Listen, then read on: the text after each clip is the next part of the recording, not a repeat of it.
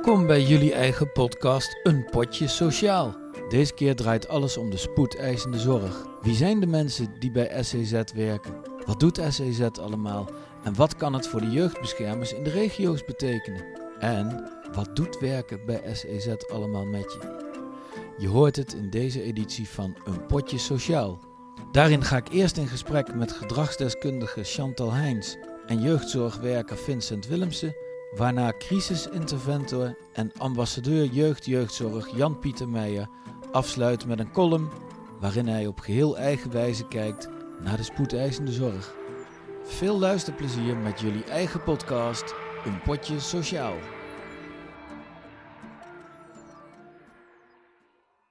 Ja, en, uh, en na een best al heel fijn voorgesprek uh, zit ik hier met uh, Chantal Heijns, gedragskundige van team Spoedeisende Zorg. En met Vincent Willemsen, jeugdzorgwerker van Spoedeisende Zorg. welkom. Dankjewel. Dankjewel.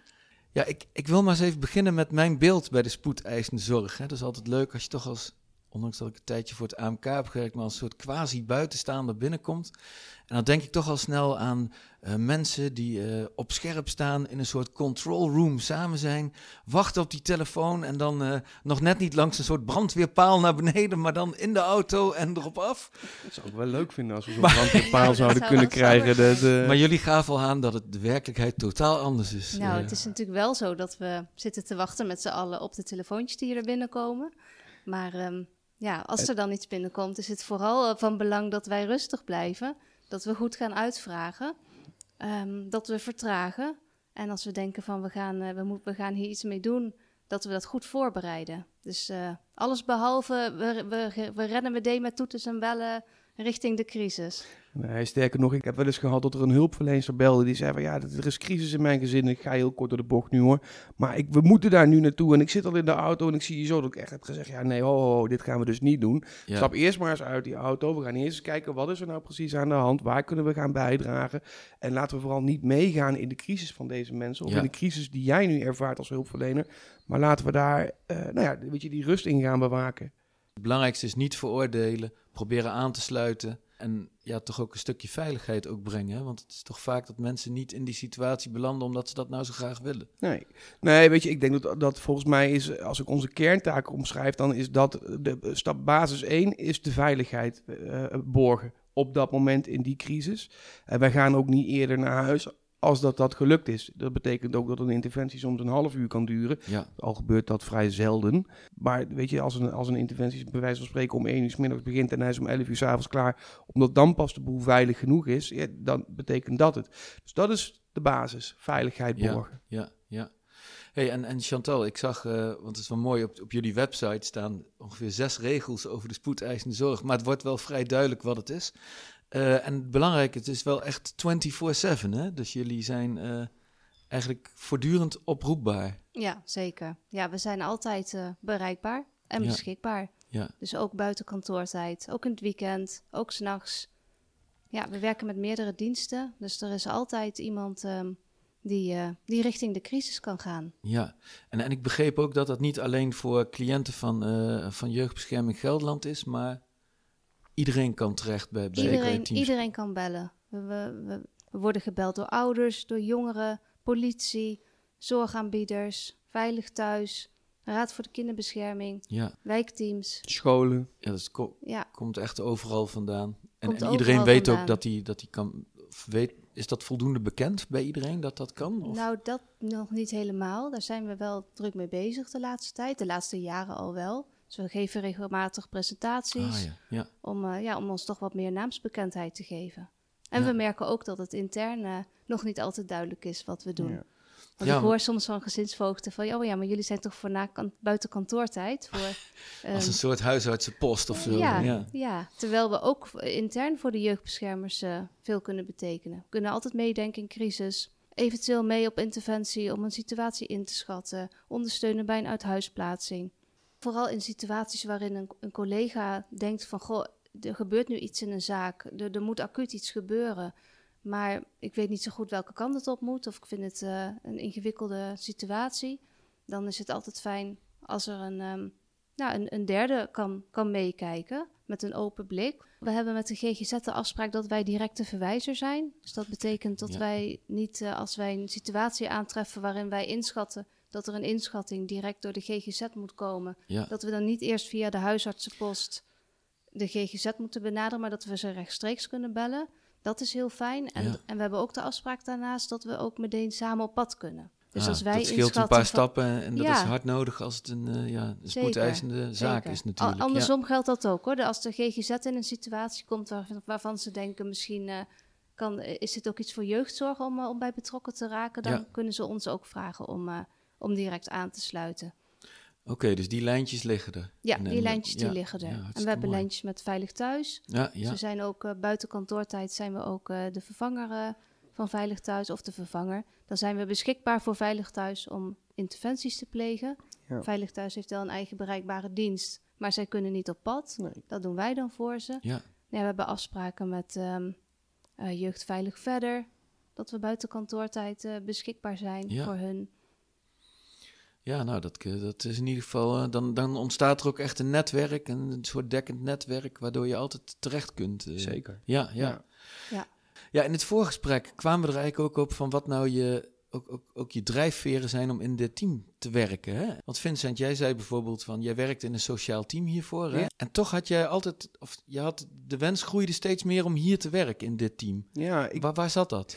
Eh, ik, ik heb toen spoedeisende zorg altijd wel eh, nou, een beetje tegen, tegen dat team opgekeken. Dus ik vond het altijd wel een mooi team om, om ook mijn vragen neer te leggen. En altijd heel erg gevonden van hoe bereidwillig ze zijn om mee te denken. Maar ook om zaken af te pellen en met een afstandje daarnaar Ja. te kijken. En nou ja, dus, dus in die zin ook al wel een soort van ambitie gehad van nou, als ik daar zou kunnen komen in mijn eh, carrière, dat zou ik wel, ja, dat zou ik wel een mijlpaal vinden. Ja, En ik heb heel lang die langdurige trajecten wel gedaan. Nou ja, die soms heel erg waardevol zijn, maar soms ook wel wat energievretend ja in het zijn. sociaal werkteam, hè? Ja, ja.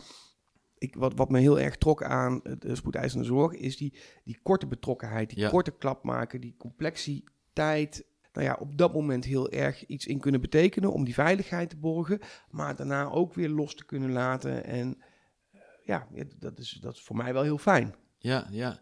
Dat, dat, dat, dat, trof mij zo ook, eh, eh, dat, dat eigenlijk mijn beeld ook bij mensen van spoedeisende zorg, is wel een beetje het beeld dat ik bij jou heb, zeg maar. Daar, daar, er komt iemand binnen en dan heb je het idee van, oké, nou, nou, nou gaat er iets gebeuren in de situatie waarin we zitten. Ja. En terwijl eigenlijk wat, jij, wat jullie vertelden, en dat vond ik zo mooi, eh, ook van jou Chantal, dat jij, dat jij dat beeld ook had, maar dat eigenlijk de, de voornaamste kwaliteit juist is die rust bewaren en, en, en even die stap achteruit doen om even alles te overzien en dan de goede stap te zetten. En dat jij daarom ook zo, hè, dus zo je plek hebt gevonden in het team, toch? Ja, ja, dat klopt. Ja, En ik, ik denk wel, want het is, het is en en wat je zegt hoor. Eh, Mhm. Want het is ja, er gaat iets gebeuren, want anders komen we niet. Ja, precies. Eh, ja. Maar hoe we dat voor elkaar gaan krijgen, dat beeld is misschien eh, wat, wat vertekent. Het is niet zo dat je ergens als een olifant in een porseleinkast kan binnenkomen stampen en kan, de lakens kan gaan uitdelen. Weet je, het, eh, volgens mij is werken met mensen gebaseerd op, op, op, op samenwerking en op een soort van wederzijds respect. En op het moment dat als ik ergens binnenkom en ik geef diegene niet de respect, ik, ik kom in, in, in iemands huis, hè? ja, ja, en, en in iemands leven. Dat, dat gesprek ga je, Ja. ga je voeren met elkaar. Van joh, wat, wat gebeurt er nu en hoe kunnen we jou Ja. helpen? En nou, dat het weer beter gaat in deze situatie. Dat je kind zich veilig en goed kan ontwikkelen. Ja, dat, zijn, dat zijn spanningsvelden. Als je dat niet op een goede manier doet, ben je iemand kwijt. En dan kun je de crisis denk ik alleen maar verergeren ook.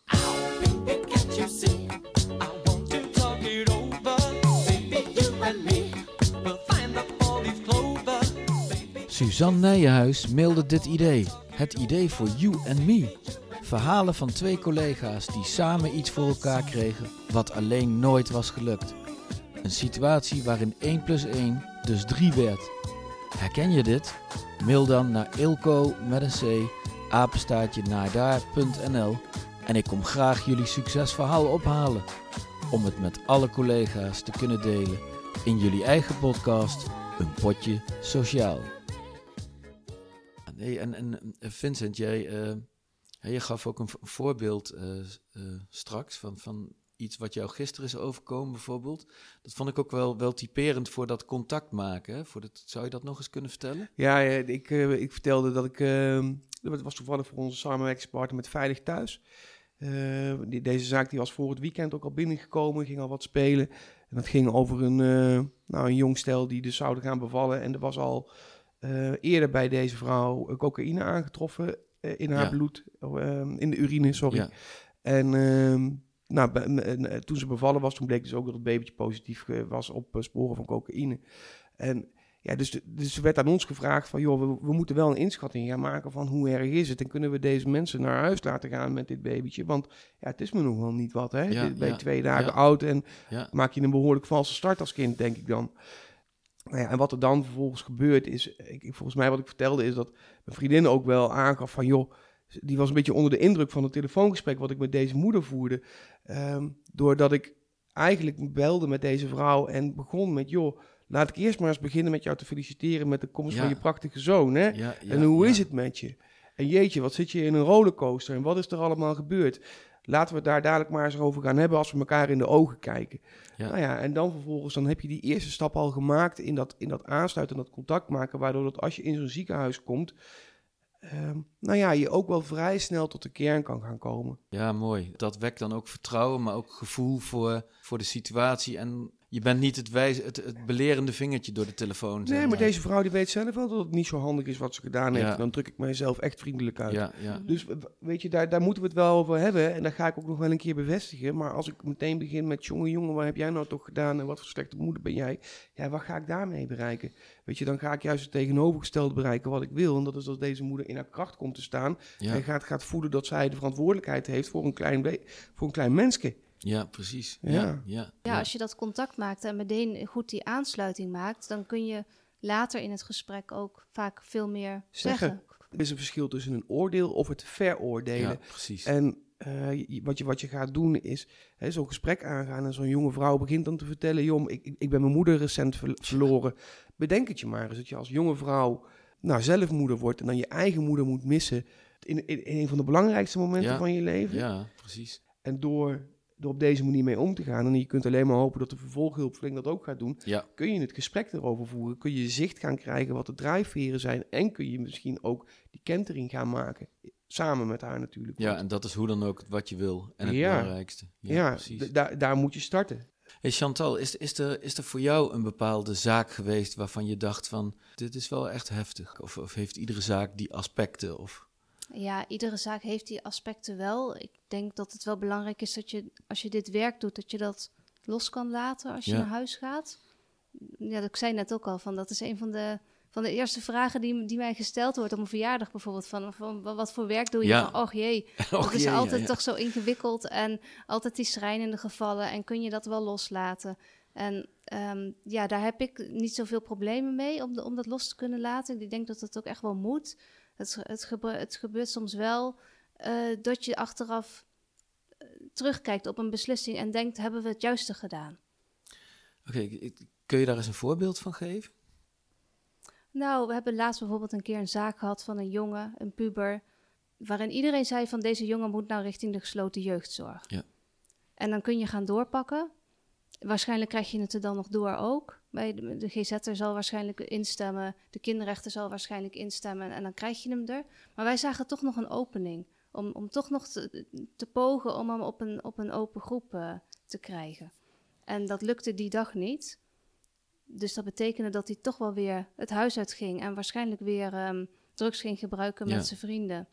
Maar we hebben hem toen een soort van ultimatum gesteld.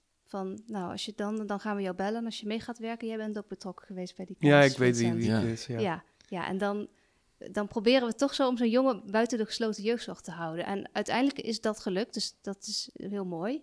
Maar dan denk ik s'avonds wel eens als ik naar huis rijd van... oh ja, maar vanavond zit hij wel gewoon weer drugs te gebruiken met zijn maten. Ja, Dus het is wel een risico wat je dan neemt. Dus Ja. dan denk ik daar wel weer aan terug van... ja, ik hoop dat we het juiste risico hebben genomen. ja, Ja, weet, ik denk, en dat zal voor alle collega jeugdbeschermers gelden, denk ik. ehm, wij, wij hebben geen exacte wetenschap. nee. Nee. Dus, je, dus 1 en 1 is nooit 2 bij ons. Het, het, het, eh, soms ook wel, maar bijna nooit. En, en je moet wel echt gaan kijken van... hebben we de risico's voldoende in beeld? Hebben we voldoende afgewogen? Ja, en volgens mij een 100% zekerheid. Nee, dat Die- heb je niet. Nee, Nee. We werken natuurlijk inderdaad echt in die complexe wereld. Zeker.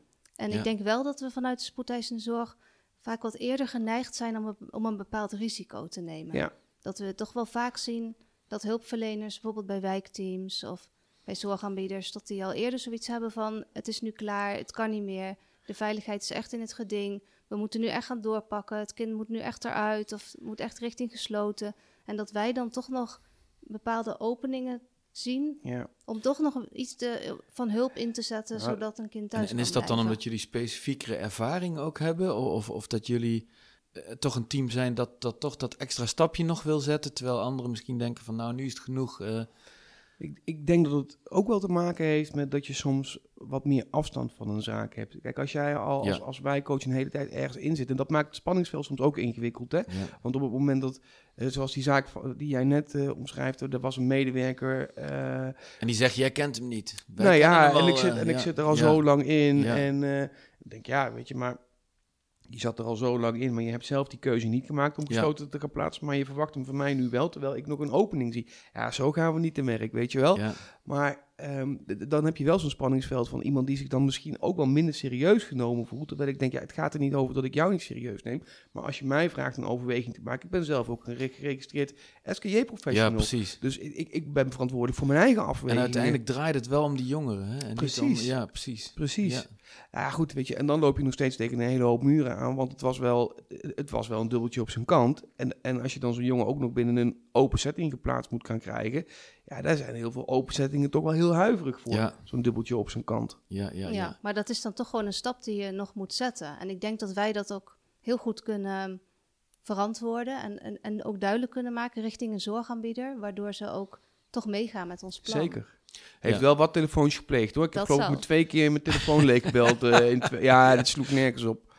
Is dit werk makkelijk? Want je wordt ook wel eens uit je bed gebeld en dan eh, is het in actie komen, toch? Ja, Of, ja, ja dat, is soms, dat is soms wel ingewikkeld. Ja, ik heb dan zelf eh, de achterwacht af en toe. Ongeveer één keer in de zes weken ben ik Ja. dan een hele week bereikbaar. En dat is eh, heel leuk om te doen. En interessant, want buiten kantoortijd komen er dan toch weer vaak andere vragen binnen dan binnen kantoortijd. En inderdaad, als je s'nachts uit je bed wordt gebeld, is aan de ene kant niet leuk, maar ja, je merkt toch ook wel meteen weer die adrenaline van wat zou het zijn en wat komt er nu weer binnen. Dus, dus dat is aan de ene kant mooi.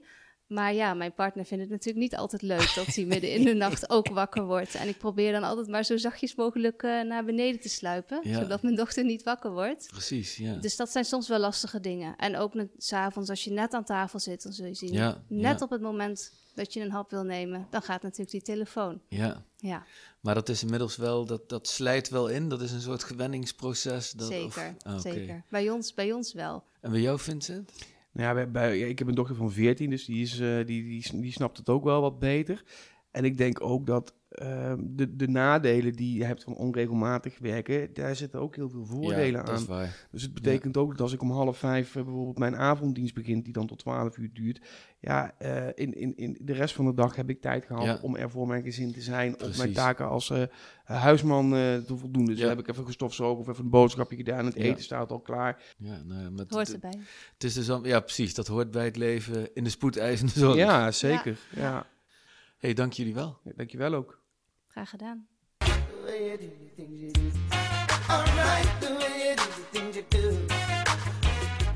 Wil jij bij een van jouw collega's een glimlach op het gezicht toveren en hem of haar verrassen met een tegel? Mail de naam van die collega en waarom hij of zij de tegel zo enorm verdient naar ilko met een c apenstaartje naar daar.nl.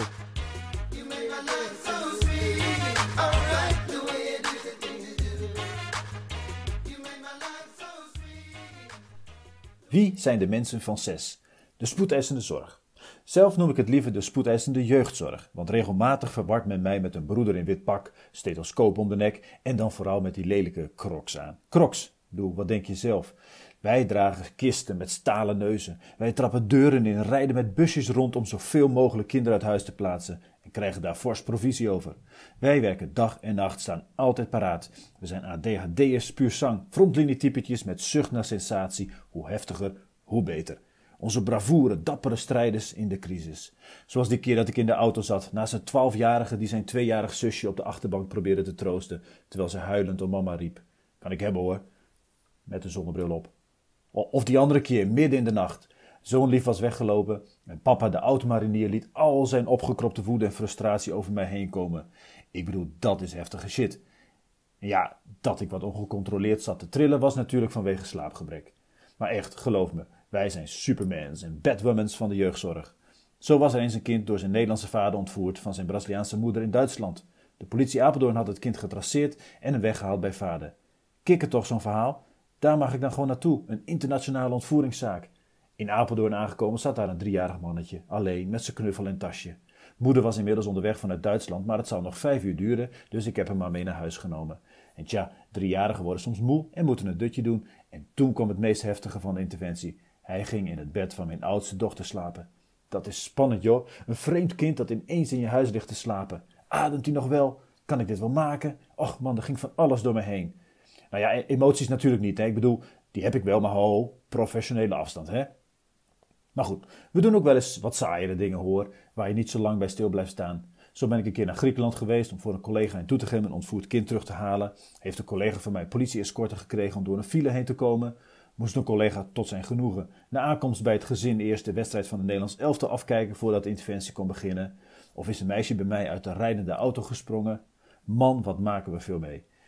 Maar even serieus, wat wil ik hier eigenlijk mee zeggen? In ieder geval dat crisiswerk een prachtig vak is. En een expertise die veel ervaring nodig heeft om te laten groeien. Ik doe het nu 12,5 jaar en groei nog steeds. Ik deed natuurlijk wat satirisch over wat we meemaken en wat het emotioneel met mij en ons allen doet. Het omgaan met emoties blijft echter een van de meest uitdagende aspecten van werken in crisis en ervaren van crisis. Emoties van ouders, jongeren, kinderen, collega's binnen en buiten JBG en natuurlijk die van mij en onszelf. Dat autoritje met die jongen van 12 en zijn zusje is echt een van de meest heftige emotionele momenten geweest voor mij. En dat terwijl er weinig spectaculairs gebeurde. Maar het raakte mij zo. Mijn visie op crisiswerk is onder andere enerzijds zo goed mogelijk omgaan met die emoties. Anderzijds betekent het kennis en ervaring toevoegen. Bijvoorbeeld over processen die in crisis plaatsvinden, zowel met de mensen in crisis als met het netwerk en of de hulpverlening eromheen. Het betekent ook vertragen, prioriteren, verbinding maken, twijfelen, kijken naar het nu, vragen blijven stellen, situatie aanvoelen en in kleine stappen denken. Ik hoop dat we ook voor jullie, collega's binnen JBG, meer en meer van waarde kunnen zijn. Het is echter soms moeilijk uitleggen wat we doen. Dat zal je als jeugdbeschermer ook vast wel herkennen. Daarom willen we meer ontmoeting met alle regio's en teams om daarover in gesprek te gaan en vooral gezamenlijke ervaringen opdoen. Als het goed is, worden jullie allemaal daarvoor benaderd door de zes collega die gekoppeld is aan jouw regio. Als laatste, een persoonlijke noot van mij over jeugdbeschermers. Ik heb diep respect voor mijn collega jeugdbeschermers. Jullie hebben een vak wat jaren kost om in de vingers te krijgen.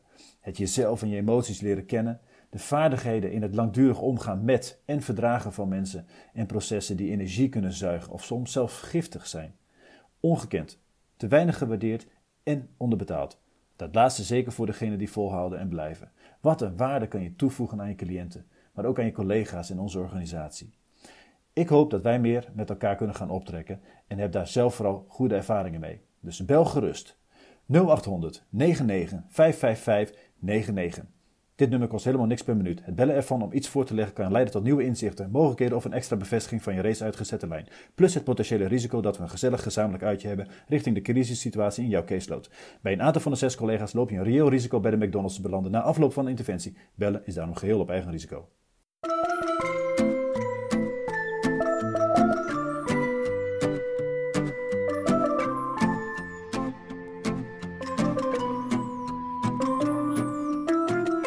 Je luisterde naar jullie eigen podcast Een Potje Sociaal. Vind je dit een leuke podcast? Laat het je collega's dan weten.